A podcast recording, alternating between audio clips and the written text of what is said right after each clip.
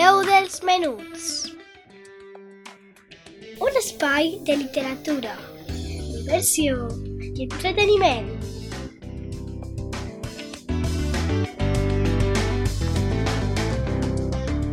Amb Laia Esteve.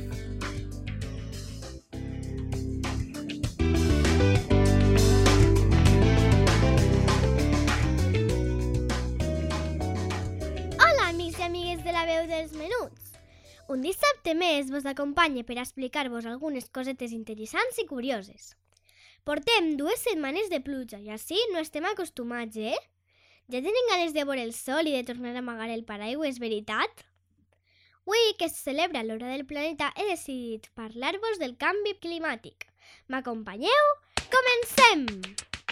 Avui, 26 de març, se celebra arreu del món l'hora del planeta. Sabeu què és?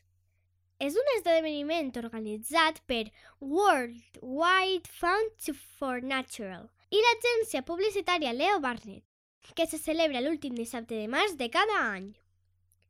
Consisteix en una pagada elèctrica voluntària en què es demana a cases, empreses i comunitats que apaguen els llums i altres aparells elèctrics durant una hora.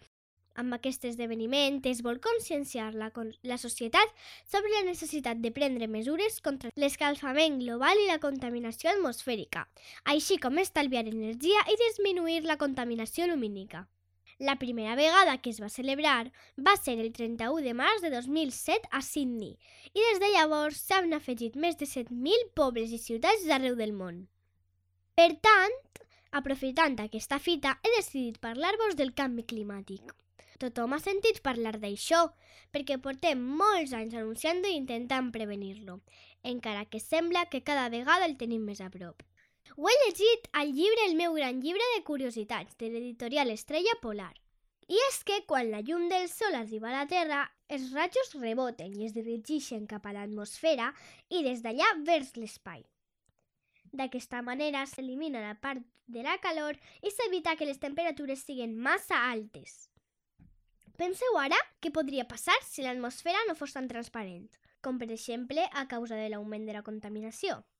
Els rajos tardaran més a travessar-la i escalfaran més l'aire. Aquest fenomen és conegut com l'efecte hivernacle i és una de les causes perquè uns anys després la Terra hagi esdevingut un planeta més calorós. De fet, s'han registrat canvis de gairebé un grau al llarg del segle XX. Per això, segur que heu sentit a parlar de l'escalfament global. L'hora del planeta uneix a ciutadans, empreses, ajuntaments i institucions per a lluitar contra el canvi climàtic i la pèrdua de biodiversitat. Amb els anys s'ha convertit en un moviment mundial del qual ja formen part milers de ciutats de quasi 200 països, que en passades edicions van apagar més de 17.000 monuments i edificis tan emblemàtics com la Torre Eiffel o el Coliseu. Monover també s'ha sumat a aquesta iniciativa i durant una hora, des de les 8 i mitja fins a les 9 i mitja, s'apagaran les ciutats a nivell mundial. I així està previst que es queden a fosques la Torre, Santa Bàrbara i el Castell. I vosaltres? Teniu pensat participar en l'hora del planeta? Apagaríeu durant una hora les llums de casa? Ja em contareu. I fins així el programa d'avui. Espero que us hagi semblat entretingut i interessant. Heu de recordar que aquesta matinada haurem de canviar l'hora i a les 2 del matí seran ja les 3. Dormirem una hora menys, però els dies seran més llargs i lluminosos. Ara solament falta que pare de ploure. Moltes gràcies per escoltar-me setmana rere setmana.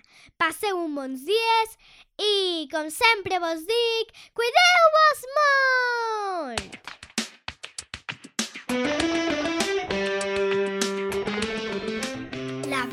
Dels menuts.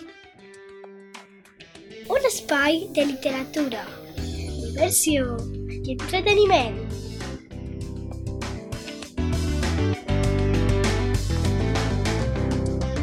Amb Laia Esteve.